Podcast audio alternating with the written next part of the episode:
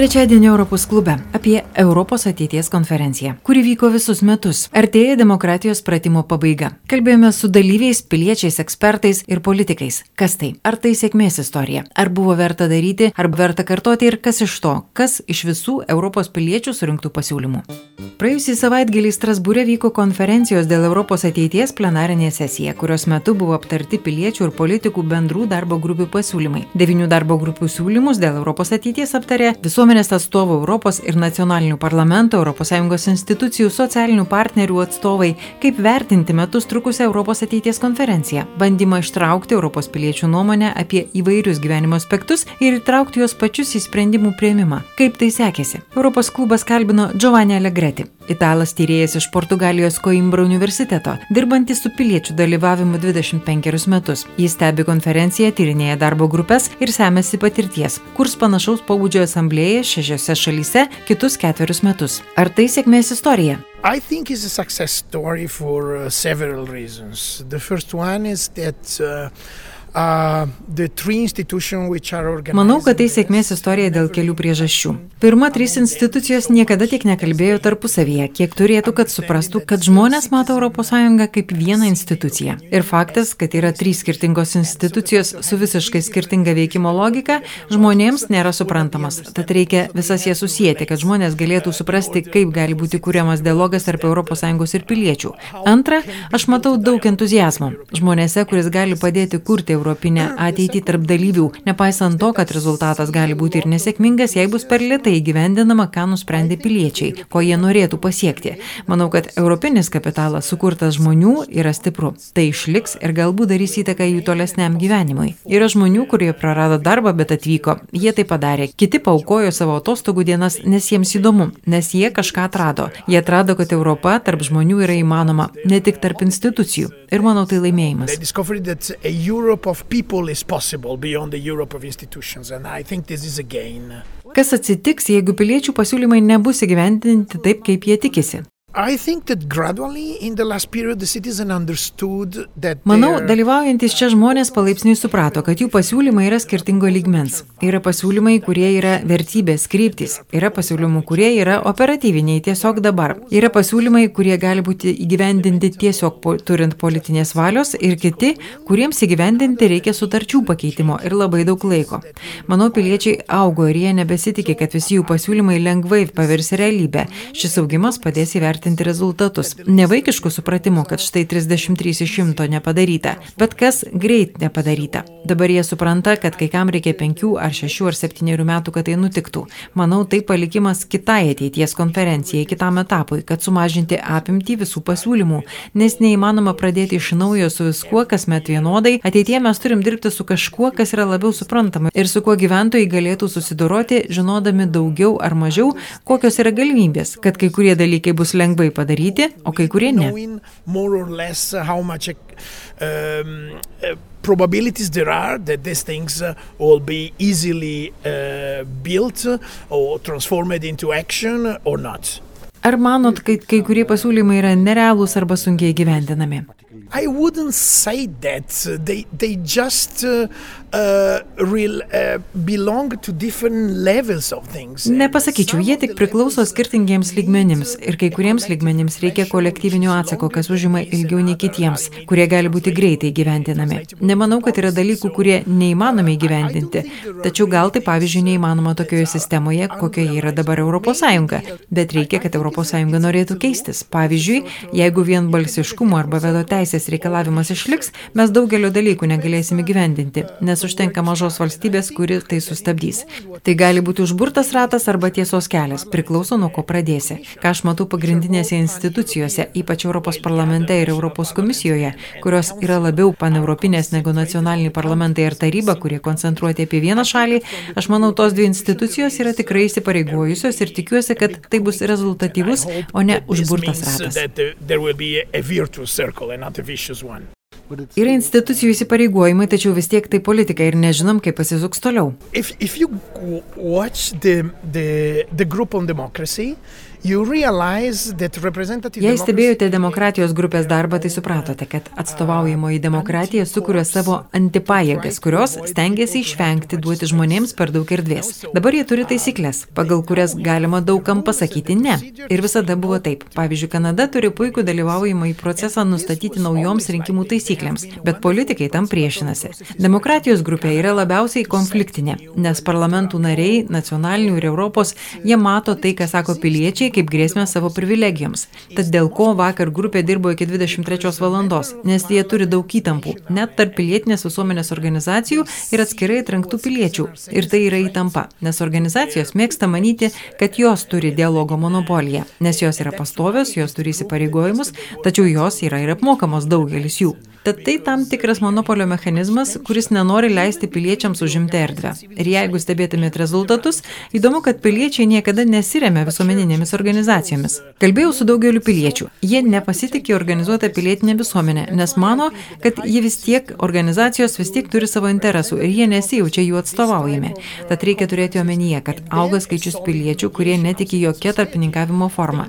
Ne tik partijų, ar profesinių sąjungų, bet ir bažnyčių, nevyriausybinio organizacijų judėjimų, tad reikia galvoti ir apie tuos piliečius. Štai kodėl manau, kad hybridinė sistema, kurioje įtraukta atstovaujamoji demokratija, tokios tipo konferencijos ir tada patikimas pilietinės visuomenės tarpininkavimas, viskas turi eiti kartu. Tik hybridinė sistema gali veikti ateityje su įvairiais atstovavimo būdais ir tarpininkavimu tarp visų grupių. Todėl darbo grupės buvo labai įdomios. Kai kurios veikia tikrai gerai. Politikai jautė, ką galvoja piliečiai. Kai kurios nebuvo konfliktinės. Daugiausiai konfliktų buvo apie vertybės, migraciją ir demokratijas, nes juose tradiciniai politikai mato didžiausias grėsmės savo privilegijoms ir įprastam darbui. Ir kartais man atrodo, kad tiesiog tingi ką nors keisti. Jei galėtų pakeisti mintis ir veikti kitaip, jie veikiausiai iš to labai išloštų kaip politikai, įgytų daugiau žmonių pasitikėjimo.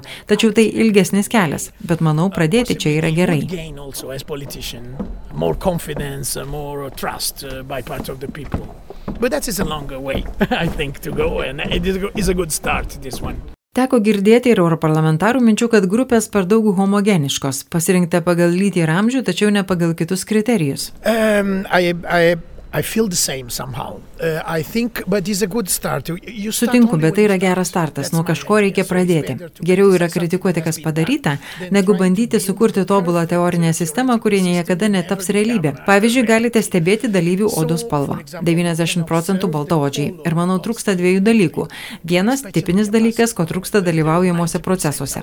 Niekada nebandoma tyrinėti tų, kurie nedalyvauja. Tyriami yra tie, kurie jau dalyvauja. Todėl niekada nežinai, dėl ko tie kiti nedalyvauja dalyvauja. Tačiau antra metodologija. Dabar buvo pasirinkta, manau, vienintelė įmanoma dėl dviejų priežasčių. Nes kitas metodas atrankai būtų apklausti žmonės, skirstyti jų atsakymus į 10-12 tipų kiekvienoje temoje ir atsitiktinai juos atrinkti.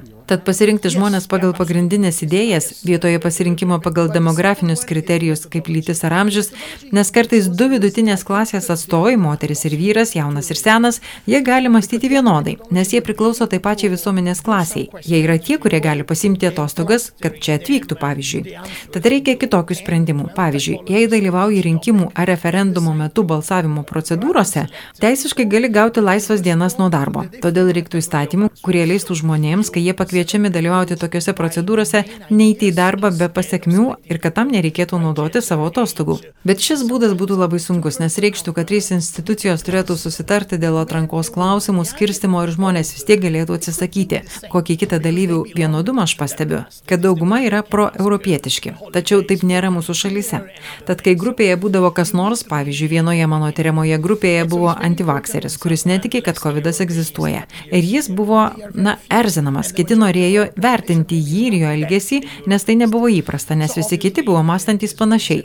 Tad labai svarbu, kad atsirastų ir antieuropietiškų pažiūrų, nes mūsų valstybės nėra tokios. Kitas dalykas, ką buvo sunku padaryti, kad tokios šalys kaip Prancūzija ar Portugalija, jie neleidžia rinkti statistikos apie etinę priklausomybę, religiją, tad kaip pasirinkti atskiriuose šalyse žmonės pagal atstovavimą religijoms ar kilmiai, jeigu negali jų to klausti, nes tai nelegalu. Because you become illegal when you do this kind of question. So Pagal pajamas taip pat būtų labai sunku analizuoti, nebent žmonės savanoriškai pasakytų savo pajamas. Bet manau, tolesnės pastangos turėtų būti bandymas pakeisti dalyvių atrankos metodą, kuris leistų surinkti labiau skirtingus žmonės ne tik dėl pažiūrų į Europą, bet ir remiantis demografiniais, sociokultūriniais kriterijais. Kodėl reikėtų tai pakartoti, tęsti konferencijos darbą? Because I think uh, that uh, they created this process in a moment of Nes manau, kad šis procesas sukurtas ES institucijų silpnumo metu. Tačiau tuo pat metu, kaip kartu buvo potencija. Nes Europa šiuo laikotarpiu, COVID pandemijos laiku parodė vienybę, kurios niekada nebuvo parodžiusi. Tad tai teisingas laikas ieškoti dialogo su gyventojais. Ir manau, kad dabar net ir mažesniu formatu ši idėja ir žiniasklaidoje pristatyta. Tad politikams būtų nebenaudinga nuo jos atsitraukti. Stebėdamas, kaip politikai elgėsi dabar, lyginant su rugsėjo ar spalio mėnesiais, manau, kad daug jų daug ko išmoko ir tos pamokos bus ilgam. Tad galbūt jie galės lyginti. Kokia be būtų kritika dėl renginio kaštų, tai yra juokinga, palyginus su štai šio pastato kaina, kuris pusę laiko stovi tuščias. Tad tai minimali investicija į piliečius, kuris sugrįž kitokiais rezultatais. Bet labai svarbu, kad šis procesas vyktų kartu su kitais didesniais procesais. Problema yra, kad visos studijos, pavyzdžiui, darytos Prancūzijoje, rodo, kad šis atsitiktinai atrinktų asmenų konventas yra efektyvus tik tiems, kurie buvo parengti ir kurie patys dalyvauja, bet nesukuria pasitikėjimo kitiems, kurie nedalyvauja, nes šie mano, kad aš ten nesu, tad kas mane atstovauja. Tai nėra reprezentatyvus atrankos būdas, tad rezultatas lieka mažame rate ir nesukuria platesnio pasitikėjimo. Nebent tai būtų susijęta su referendumu, kitų plebiscitu ar dalykais, kurių rezultatas įtrauktų daugiau žmonių. Paminėkite du geriausius pasiūlymus, kurie jūsų manimų turi būti įgyvendinti. Uh. Dauguma siūlymų buvo tokie sveiko proto, kiti klausimai, kurie susiję su sveikatos sistemomis, prevencijos sistemomis, daugiau dėmesio psichologiniams žmonių problemams. Visa tai labai svarbu ir mes visi žinom, kad tai labai svarbu, bet neinvestuojam į tai. Vadinasi, neigiam svarbą. Ir ko žmonės prašo, pripažinti dalykus, kad būtų juos daugiau investicijų ir koordinavimo tarp šalių. Tad, kai sakau sveikas protas, nesakau, kad tai kasdieniška, anksčiau nediskutuota, bet piliečiai sako, kad tai dalykai, kurie mums svarbesni.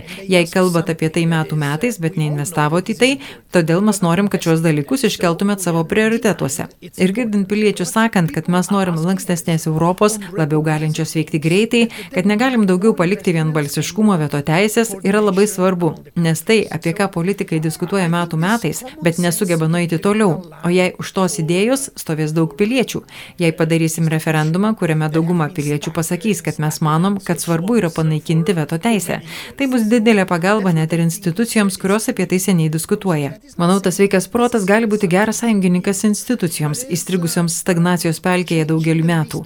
Tad labai svarbu šiame procese, nebūtinai bus pasakyta kažkas labai naujo, bet tai vertybiniai pokyčiai, pasakant, kad šie dalykai yra svarbesni negu kiti. Pavyzdžiui, dėl karo. Daug politikų prašo sumažinti žaliojo susitarimo tikslus, nes neva jie per radikalūs. Kodėl iki 2030-ųjų sumažinti emisijas 55 procentais. Dabar naudokim anglį, nes turim būti nepriklausomi nuo Rusijos. Ir piliečiai sako, taip, mes nenorim priklausyti nuo Rusijos, bet mes turim išlaikyti ir tikslus. Ir vertybių prasme tai labai svarbus gydas institucijoms, nes žinant, kad piliečiai pritartų tam tikrų problemų prioritetams, kaip Italijos premjeras pasakė, ar jūs norit taikos ar kondicionieriaus, nes turim apsispręsti. Kartais, kai paklausi taip ir žmonės pasirenka taiką vietoj kondicionieriaus, tai įdomu.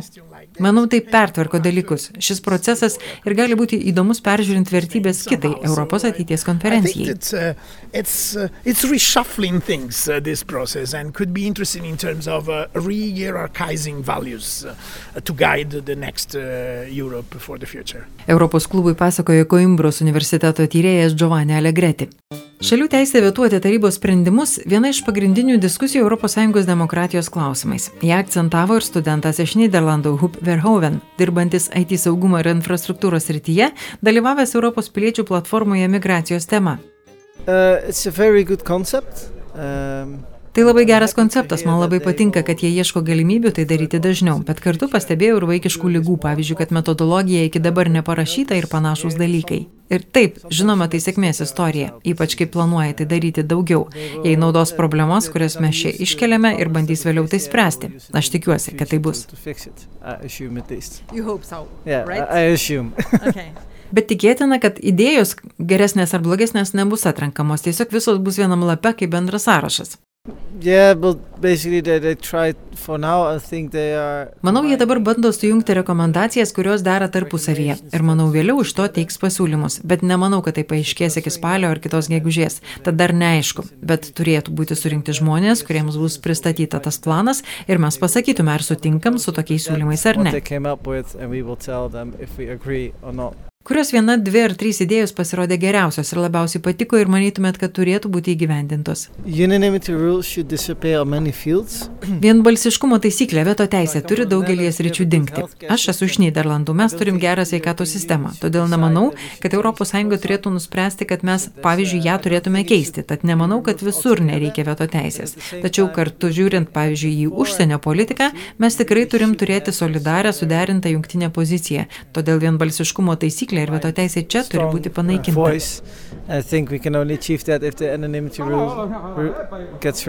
Tad bendrai tai yra sėkmės istorija. Taip, tikrai. Definitely. Politikai tam tikrus dalykus mokosi ilgus metus, studijuoja, po to dirba, analizuoja. Ar nėra keista, kai staiga ateina žmonės iš gatvės ir daro tą patį? Uh, Tikrai šiandien neturėtumėt man duoti jokios sprendimo teisės. Tikrai ne. Bet manau, tai geras būdas pristatyti, ką piliečiai galvoja. Ir galbūt tam tikrus dalykus permastyti, kodėl yra vienai par kitaip. Jeigu priežastis yra, kad jie blogai informuoti, reikia informuoti geriau, bet jei priežastis yra kita, reikia vėlgi tai atsižvelgti. Taip pat mes turėjome galimybę bendrauti su daugeliu ekspertų. Tai neveikia galbūt visai taip, kaip norėtųsi, bet, bet mes vis tiek gavom labai daug informacijos. Tačiau sutinku, kad mes neturėtume turėti sprendimo teisės ir spręsti dalykų, kurie mums grupėse buvo priskirti. Jeigu po metų ar dviejų nebus įgyvendinti žmonių pasiūlymai, ar ne nenusivilsit? Ar yra toks pavojus? Uh, Džiaugiuosi, kad jūs esate čia žurnalistai ir manau, jums tikrai patiks istorija apie politikus tiesiog ignoruojančius mūsų rekomendacijas. Ir manau, tai būtų politinė žudybė mūsų ignoruoti. Blogos naujienos klinda greičiau nei geros, tad manau, jie negalės ignoruoti, nebent tam būtų tikrai geros priežastys. Um, so that they can't ignore it unless it has a good reason. Europos klubui sakė Hub Verhoeven. Kai kurie konferencijos dalyviai niekada nesidomėjo politika iki šiol, nebūtinai darys ir toliau, tačiau, sako, buvo įdomu ir verta. Linda į konferenciją atvyko iš Paryžiaus su penkių mėnesių dukra, su vežimėliu ir kūdikiu ir Europos parlamento plenarnėje salėje. Paklausta, ką galvoja apie konferenciją ar tai sėkmės istorija, sako tikrai taip ir jai viskas buvo nauja, nes niekada politika nesidomėjo. Yeah, Manau, tai sėkmės istorija. Labai geras patyrimas man. Susitikau žmonės iš visos ES, kalbančius įvairiomis kalbomis, tad tai tikrai puikiai patirtis. Tiesą sakant, aš nieko nežinojau apie politiką, nesidomėjau politiką, tad viską atradau naujai ir man tai buvo surprizas. Like, uh, good surprise. Yeah. Mm. Ar turėjot savo pasiūlymų ir ar buvo kažkokių, kurie patiko labiausiai ir ką tikrai reikėtų gyvendinti? Uh, actually, yes, there was uh, one proposal uh, made by myself and other. It was about the healthy food. Taip, aš pasiūliau vieną dalyką dėl sveiko maisto, ypač ligoninėse, nes mano mama sirgo vėžiu ir savo akimis mačiau, kad maistas tikrai buvo labai prastas. Kaip žmonės gali pasveikti ir pailsėti, jeigu maistas prastas. Tad aš kalbėjau apie tai ir buvo tokia rekomendacija įtraukta. So... And, uh, Buvo daugiau įdomių pasiūlymų? Yeah, like, Beveik visi pasiūlymai įdomus, ypač mano temoje apie sveikatą. Pavyzdžiui, dar vienas apie lygybę, paslaugų ir gydimo prieinamumą, kad visi turėtų vienodą teisę į gydimą į vaistus, nesvarbu, turtingai ir skurdžiai gyvenantys. Uh, ar dabar bus įdomesnė politika? Ar dalyvausit daugiau? Um, No? No. Nemanau. Man tikrai patiko šis eksperimentas, aš labai daug dirbau savo darbo grupėje, bet tai viskas, aš grįšiu namo ir tiek. Home, I... forget, right? yeah. Ar dalyvautumėt kitą kartą? Yeah, of course. This is very interesting.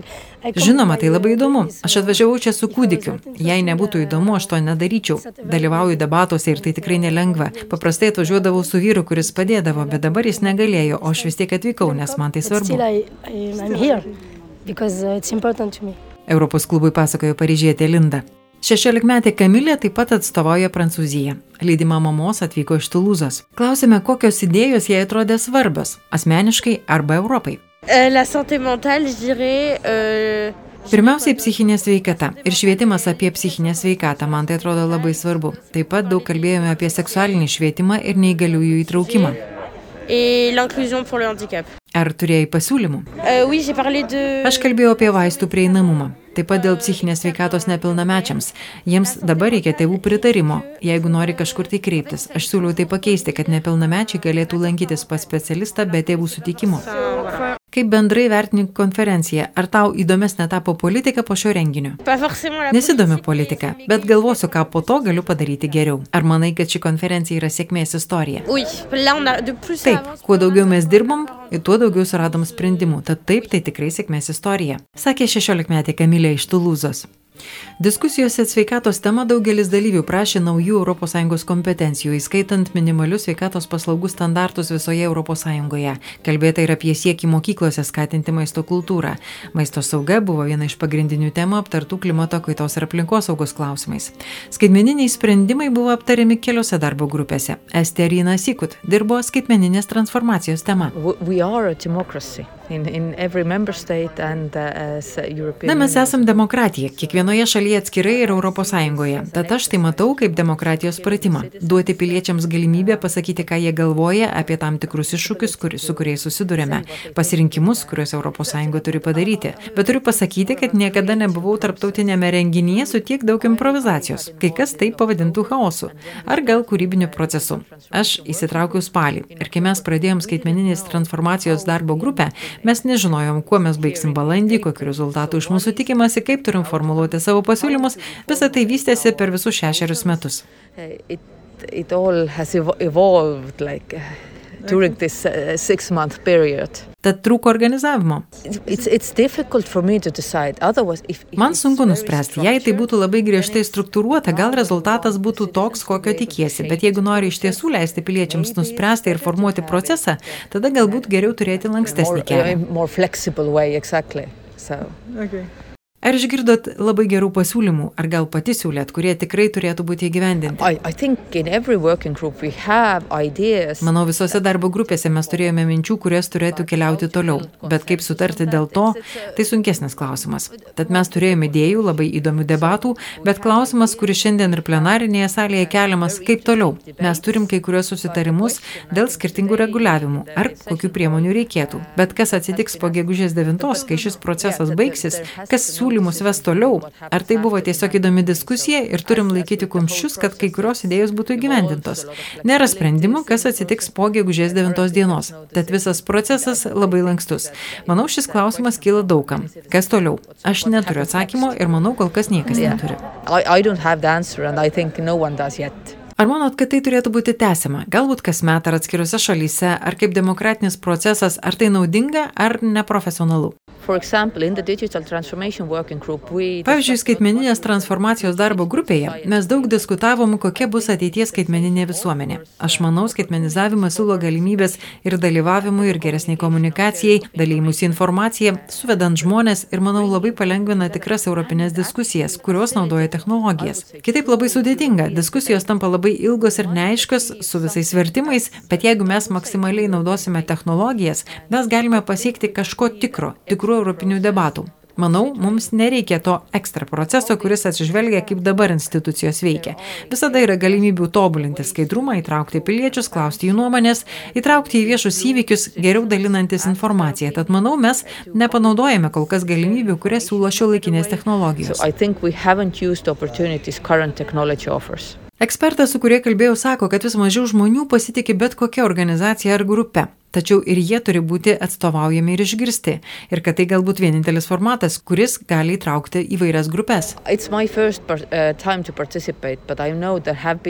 Aš pirmą kartą dalyvauju tokioje konferencijoje, tačiau žinau, kad yra buvę konferencijų dėl Europos ateities. Praeitie. Tad aš nežinau, ar tai vienintelis būdas įtraukti visus partnerius, bet man tai unikalus eksperimentas.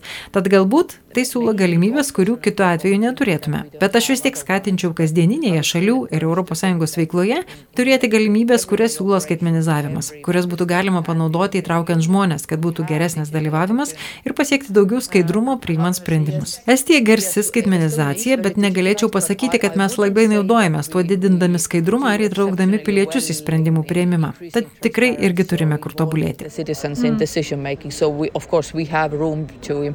Mm. Ar manote, kad viduje šalių būtų galbūt verta tai daryti, valstybės ar miesto mastu tokias konferencijas ir diskusijas? Taip, tai gali būti modelis dirbti šalių viduje, bet noriu pridurti, kad čia, ypač šiandien diskusijoje apie Europos demokratiją, mes diskutavom, kokia skirtingo ES institucijų rolė, kokios jų atsakomybės, netgi jų pavadinimai. Bet dauguma estijos piliečių, jie nežino nieko apie, pavyzdžiui, įstatymų iniciatyvą, kuri gali būti pateikta Europos parlamentui. Dalykai, apie kuriuos diskutuojam, nėra įprasta ar pažįstama daugeliu piliečių. Tad klausimas, ar mes norim, kad piliečiai detaliai žinotų, kaip veikia ES. Tai vienokios pastangos, kurias turime dėti. Ar mes sakom, kad nesvarbu, kaip dirba institucijos, mes tiesiog norim piliečių indėlio į esminius pagrindinius klausimus ir rimtas problemas, kurias norime išspręsti. Mes norim žinoti jų patirtis, jų pasirinkimus ir manau tai reikalauja skirtingo proceso, kad įtraukti piliečius. Tad klausimas, ko siekiama is needed. Hmm. Kokie jūsų išgirsti geriausi pasiūlymai, kurie turi būti įgyvendinti? I, I think one is still, as, as Estonian, I must say, the common uh, Na, kaip estė aš turiu pasakyti, bendra skaitmeninė tapatybė. Jei mes norime patikimų būdų pasirašyti dokumentus ar prisijungti prie viešų ar ir privačių paslaugų visur Europoje, kad žmonės galėtų naudotis elektroniniais duomenimis skirtingose šalyse, mums reikalingas saugus būdas save identifikuoti. Negali naudoti įprasto paso skaitmeninėme pasaulyje, tad mums reikia skaitmeninės identifikacijos, kuri veiktų visoje Europoje ir jie būtų pasitikima. Ir antras, kai diskutuojame, daug dalykų liečia jau esamą reguliavimą arba esamus technologinius sprendimus. Bet kai mes kalbame, kalbam apie visuomenės transformaciją arba Europos ateitį, mes turime siekti daugiau. Turime investuoti į svarbius tyrimus, į fundamentaliuosius mokslus, galinčius pakeisti mūsų gyvenimus. Ar žaliojo susitarimo keliu, ar demokratijos veikimu. Mes negalim to padaryti su dabartiniu žinių bagažu. Mes turime žinoti daugiau. Tad jei turėsime bendrą skaitmeninę tapatybę ir investuosime į tyrimus, tai mano manimi turėsime nepaprastą europinę skaitmeninę visuomenę. Europos klubui sakė Rina Sikut. Europos komisijos viceprezidentė demokratijos ir demografijos komisarė Dubravka Šuica sako, kad didžiausia išmokta pamoka iš viso šio proceso, kad tikrai reikia bendrauti su piliečiais. Dideliais pažadais dėl idėjų gyvendinimo visgi eurokomisarė nesišvaistė. Kodėl mes apskritai organizavome šią konferenciją, tai priartėti prie piliečių, klausyti piliečių. Nors kai kurie parlamentų nariai sako, kad jie išrinkti tiesiogiai žmonių, tad jiems nebereikia dar kažko klausti. Bet mano atsakymas jiems. Žmonės mus įgalino, tačiau mes gyvename skaitmeninėme pasaulyje, informacijos kiekiai didžiuliai ir mes negalime piliečiams laukti kitus keturis ar penkerius metus iki kitų rinkimų, kad jie su mumis galėtų kalbėti.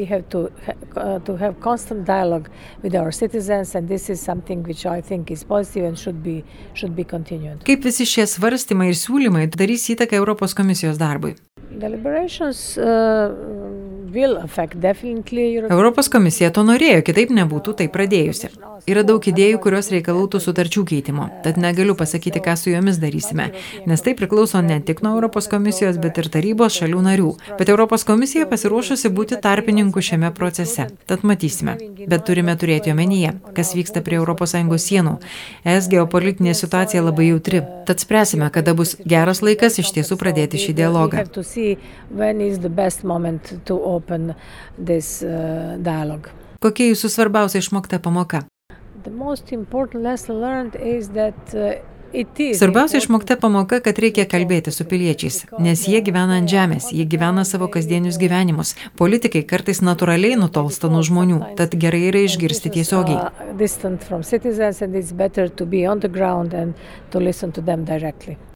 Kaip šis procesas atrodys toliau po gegužės 9 dienos? Institucijos turi nuspręsti, ką jos iš to pasirinks. Tada galbūt siūlyti naujus įstatymus, naujas idėjas. Tačiau buvo ir tokių idėjų, kurios jau Europos komisijos padarytos. Pavyzdžiui, žaliasis susitarimas klimato kaita, šie dalykai jau padaryti. Tačiau dabar mus palaiko ir piliečių mintys. Ar šis veiksmas, ar procedūra visa turi būti pakartota? Buvo idėja iš dalyvių, kad turėtų būti metinė piliečių asamblėja. Nežinau, ar ši mintis pateks į galutinius rezultatus, galbūt kasmet reikėtų pakviesti piliečius, kad jie patikrintų, ką institucijos padarė ir įgyvendino iš pasiūlytų dalykų.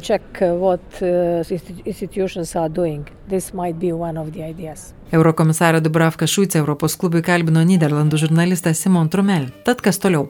Baigiamojoje konferencijos plenarinėje sesijoje balandžio 29-30 dienomis bus patvirtinti pasiūlymai, jie bus pateikti konferencijos vykdomai tarybai. Gegužės 9 Europos dieną Strasbūre galutinė ataskaita bus įteikta ES institucijų pirmininkams, o kas dar toliau, matyt, tuomet ir paaiškės. Europos ateities konferenciją stebėjo Vilija Kvedaraitė. Iki. Prenumeruokite Europos klubo podcastą, sekite mus ir socialiniuose tinkluose. Prie Europos klubo finansavimo prisideda ir Europos parlamentas. Europos klubas.